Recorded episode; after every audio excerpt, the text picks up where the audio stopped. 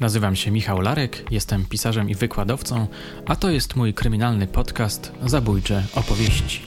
Sezon drugi Szalone lata 90. Odcinek pierwszy Napad stulecia. Opracowanie dźwiękowe Paweł Dalecki.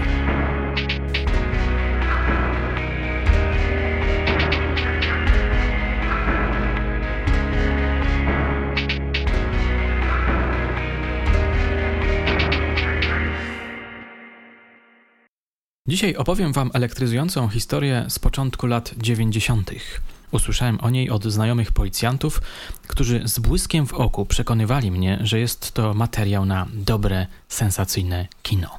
Rzeczywiście, to była jedna z najciekawszych spraw kryminalnych tamtej dekady w Poznaniu. Napad doskonały, napad stulecia. Tak pisały o niej rozochocone lokalne media. Ja sam miałem skojarzenia z serią świetnych filmów o grupie danego Oceana – Pewnie kojarzycie George Clooney, Brad Pitt, Casino, Heist Movie. Oczywiście polska wersja napadu była polska, więc cokolwiek e, przaśna, ale to teraz nieistotne. Do rzeczy. 10 sierpnia 1993 roku. Oto grupa mężczyzn napada na konwój pieniędzy swarzęckiej fabryki mebli. Robi to w sposób niecodzienny, niezwykle pomysłowy, co budzi wielkie zainteresowanie wśród poznaniaków. Prawie 5 miliardów pieniądze przeznaczone na wypłatę dla pracowników swarzęckiej fabryki mebli. Zrabowali wczoraj trzej mężczyźni pisał na zajutrz słynny Żuk, dziennikarz Ekspresu Poznańskiego. Z pewnością nie byli to amatorzy, gdyż scenariusz skoku opracowany został wręcz precyzyjnie. Okoliczności zdarzenia sprawiły, że o rabunku policję zawiadomiono dopiero po upływie około półtorej godziny. Funkcjonariusze ze Swarzędza, z Nowomiejskiej Komendy oraz grupa operacyjna podjęli natychmiast wielokierunkowe działania. Oto garść szczegółów, jakie udało nam się uzyskać. Pozwolę sobie teraz tę garść informacji podać za dziennikarzem. Swarzęckie zakłady mają zawartą umowę z pewną spółką ochroniarską z Poznania, której pracownicy konwojują przywożone z banku pieniądze. Wykorzystywany jest do tego samochód owej spółki. Tak miało być i wczoraj. Rano mikrobus z kierowcą i dwoma uzbrojonymi ochroniarzami zjawił się w Swarzędzu. Zabrał dwie kasierki, tudzież strażnika swarzęckiej fabryki mebli. Pojechali wszyscy do banku w Poznaniu, gdzie kobiety miały pobrać blisko 2 miliardy złotych. Około 9.30 załatwiono bankowe formalności. Pieniądze zapakowane zostały do kilku walizek. Mikrobus z kasierkami i ochroną ruszył w drogę powrotną. Dalsze wypadki rozegrały się jak w niezłym kryminale. To znaczy, jak się rozegrały? Otóż niezawodny żuk kontynuuje swoją opowieść. Samochód zmienił kierunek. Wcale nie pojechał do Swarzędza. Gdy kasierki i fabryczny strażnik zorientowali się, iż coś jest nie tak, zostali zaatakowani gazem przez, okazało się, fałszywych konwojentów. Oszołomionym nałożono na głowę worki. Wóz zatrzymał się w głębokim lesie w rejonie miejscowości Wieżonka u Zarzewo. Tam napastnicy pozostawili troje pasażerów i odjechali mikrobusem wraz z miliardami i zabranym strażnikowi z farzęckiej fabryki mebli pistoletem. Minęło sporo czasu, zanim zawiadomiono policję o rabunku. Dochodziła już wówczas 12 w południe. O zdarzeniu pierwsi dowiedzieli się funkcjonariusze z farzęckiego komisariatu. Zaalarmowali natychmiast Poznań. O tym, co się stało, poinformowano również jednostki sąsiednich województw. Niebawem w innym miejscu, w lesie, znaleziony został spalony samochód. Prawdopodobnie jest to ten sam pojazd. Żuk dodaje jeszcze ciekawostkę. Otóż przedwczoraj, poniedziałek, późnym wieczorem, a właściwie już w nocy, nieznani sprawcy przecięli kable, powodując przerwę w łączności telefonicznej w takich miejscowościach jak Swarzędz, Kostrzyn i Pobiedziska. Przerwa trwała prawie 12 godzin, zanim naprawiono linię. Policja nie wyklucza, że przecięcie kabli może być związane z wczorajszym napadem. Intensywne poszukiwania sprawców rabunku trwają. Znane są ich rysopisy. Pewnie jesteście ciekawi, jak się ma przecięcie kabli do tego widowiskowego napadu.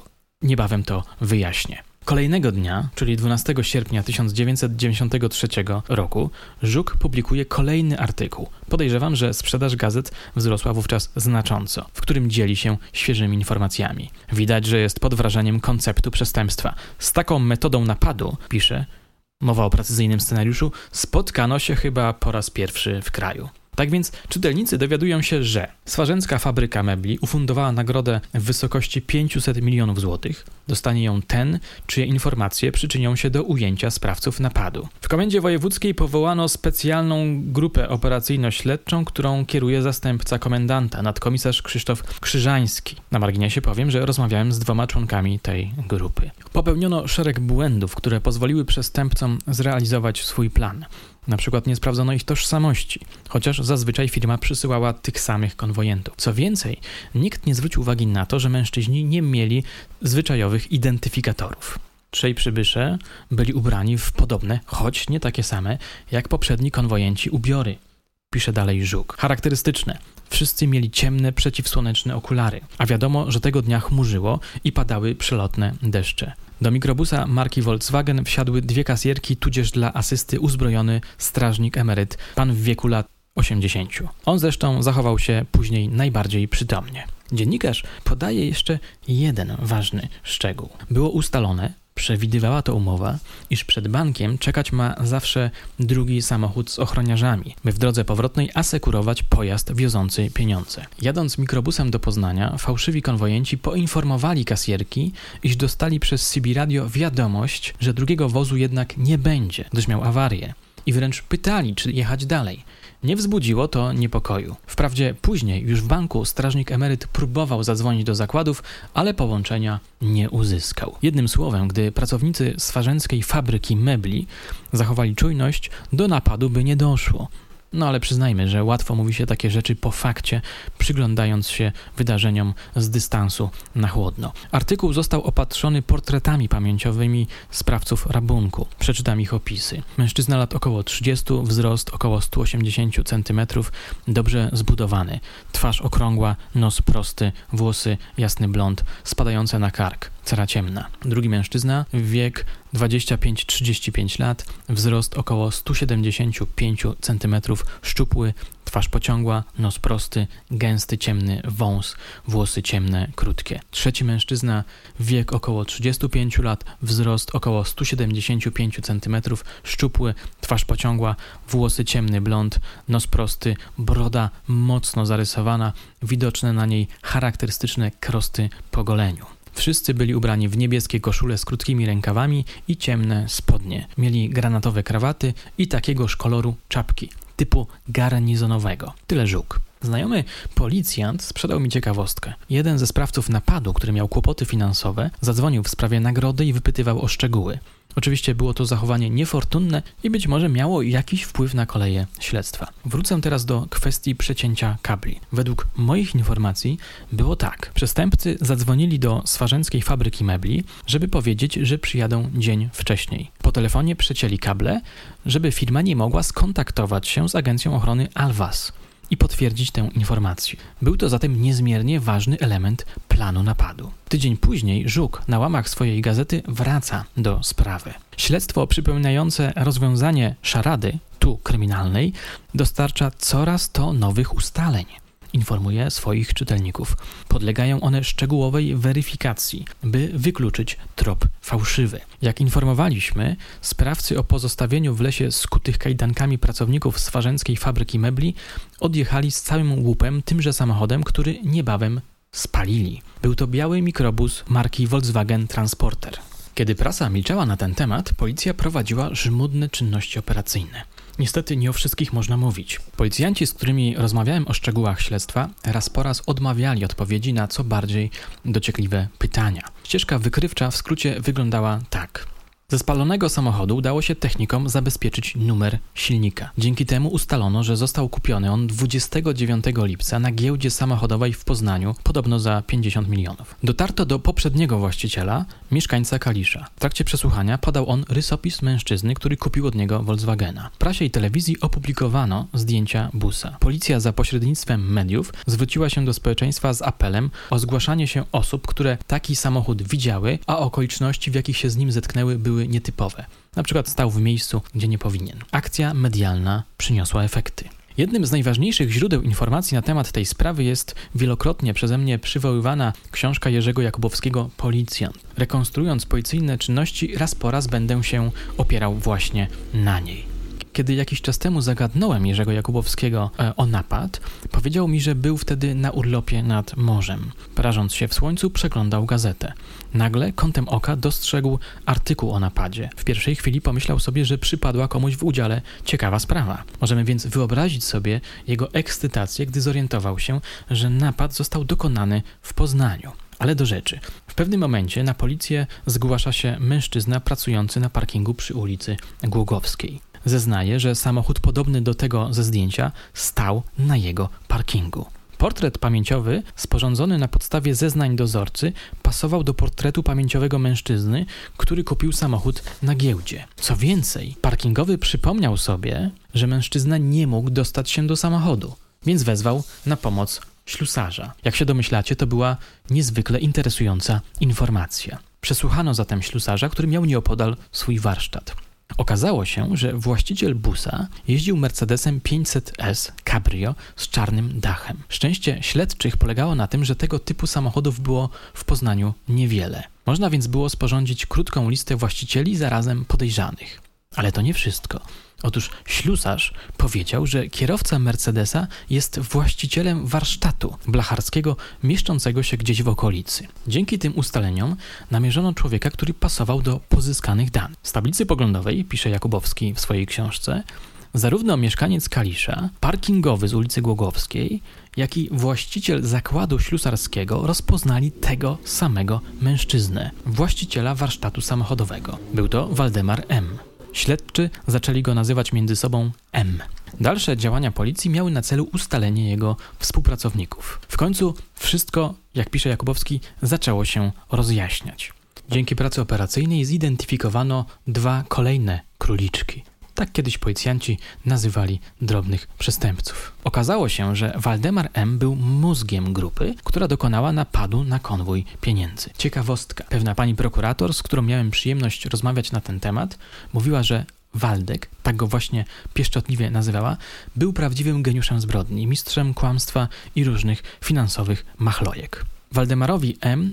założono tak zwaną betkę, czyli obserwację. Należało postępować roztropnie, albowiem nie wiedzieliśmy, gdzie sprawcy ukryli pieniądze kontynuuje Jakubowski. Któregoś dnia, na początku września 1993 roku, policjanci prowadzący obserwacje przekazali informację, że M jeździ po poznańskich kantorach i pospiesznie wymienia spore sumy pieniędzy na marki. Podjęliśmy decyzję o przygotowaniach do zatrzymania sprawców. Musieliśmy dyskretnie wzmocnić obserwacje.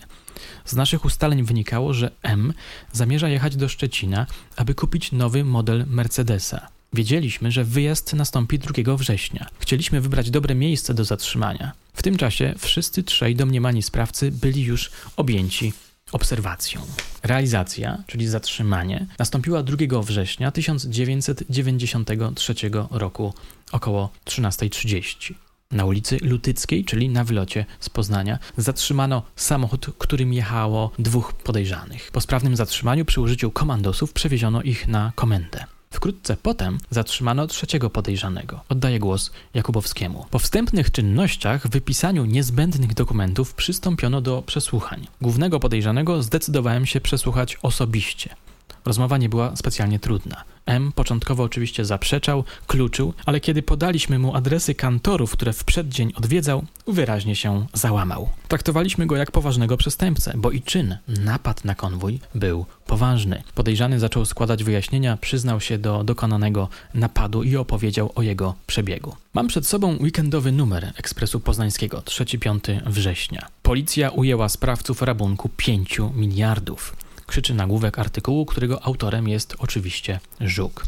Co ciekawe, podekscytowany dziennikarz zmienił optykę widzenia tej sprawy, na skutek czego stwierdził, że jednak napad na konwój pieniędzy nie był taki doskonały, jak się mogło początkowo wydawać. Posłuchajcie. Pisano w prasie, mówiono w radiu i telewizji. Sprawcy rabunku 5 miliardów na szkodę swarzenckiej fabryki mebli opracowali przestępczy scenariusz niezwykle precyzyjnie. To było swego rodzaju nową w tego typu przypadkach, jaki niestety coraz więcej notują policyjne kroniki. Ta sprawa przewyższała inne pod względem zrabowanej kwoty. O tym, że owi przestępcy to jednak nie geniusze i popełnili błędy, wspominaliśmy na łamach Ekspresu Poznańskiego, a przeciwko sobie mieli profesjonalistów. Poznańska policja potraktowała wydarzenie prestiżowo. Wielokierunkowe działania, logiczne kojarzenie faktów i wręcz mrówcza praca. Pośpiech jest dobry, ale przy łapaniu pcheł stały się codzienną dewizą specjalnie powołanej grupy operacyjno-śledczej. Przyznam, że uwielbiam styl Żuka.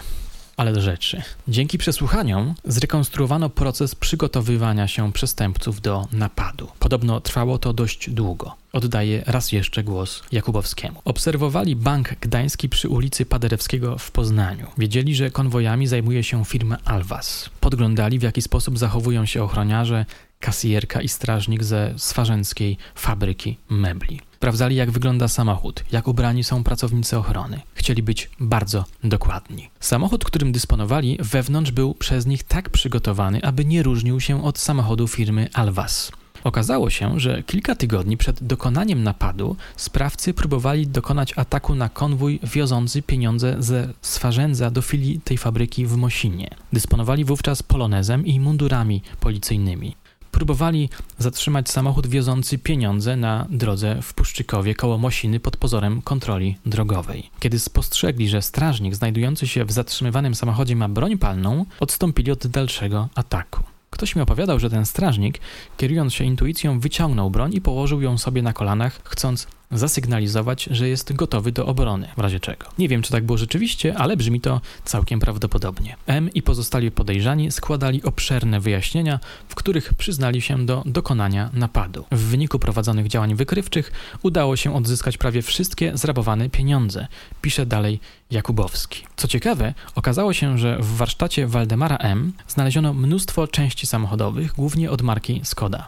Podobno grupa ukradła ponad 120 samochodów tej marki. 6 września Żuk na łamach Ekspresu Poznańskiego informuje, że operacja policji w sprawie napadu nosiła kryptonim Kanapa. Całkiem sympatycznie, prawda? Dodaje też, że odzyskano już zdecydowaną większość łupu. Prezes zarządu Swarzęckiej Fabryki Mebli, Janusz Śliwocki, przekazał komendantowi głównemu, inspektorowi Zenonowi Smolarkowi list z podziękowaniami i wyrazami uznania. W dalszej części artykułu powiadamia Żuk czytelników, że policjanci w trakcie przeszukań lokali należących do sprawców znaleźli m.in. kilka jednostek broni, sporą ilość ostrej amunicji, a także policyjne mundury. Jego komentarz brzmi dość jednoznacznie.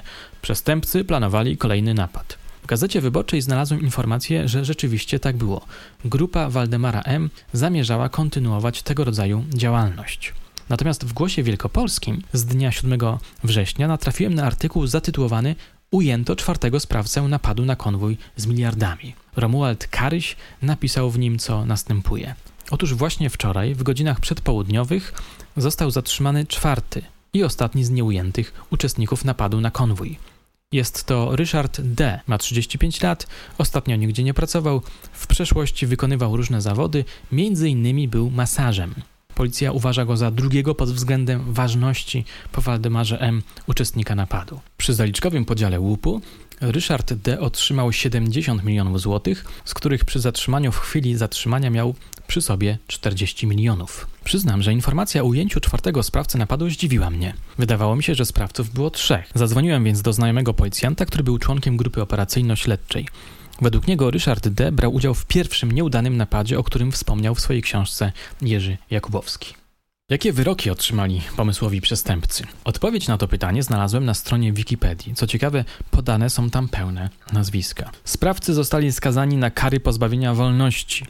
Maciejewski na 8 lat i 250 milionów złotych grzywny, Krajewski i Bąkowski na 7 lat i 50 milionów złotych grzywny. Musieli również zapłacić telekomunikacji polskiej odszkodowanie za uszkodzenie infrastruktury technicznej. Hasło w Wikipedii kończy się smaczkiem następującej treści. Wskutek napadu zdecydowano, aby pracownikom swarzęckiej fabryki mebli założyć konta, na które przelewano wypłaty, a zatem przestępstwo kryminalne spowodowało wdrożenie nowinki technologicznej. Ładnie się złożyło. Jakiś czas temu szukałem w sieci informacji o Waldemarze M. Przyznam, że ten człowiek, geniusz zbrodni, zaintrygował mnie. Z tego co mi mówiono, napad stulecia nie był jego jedynym dziełem.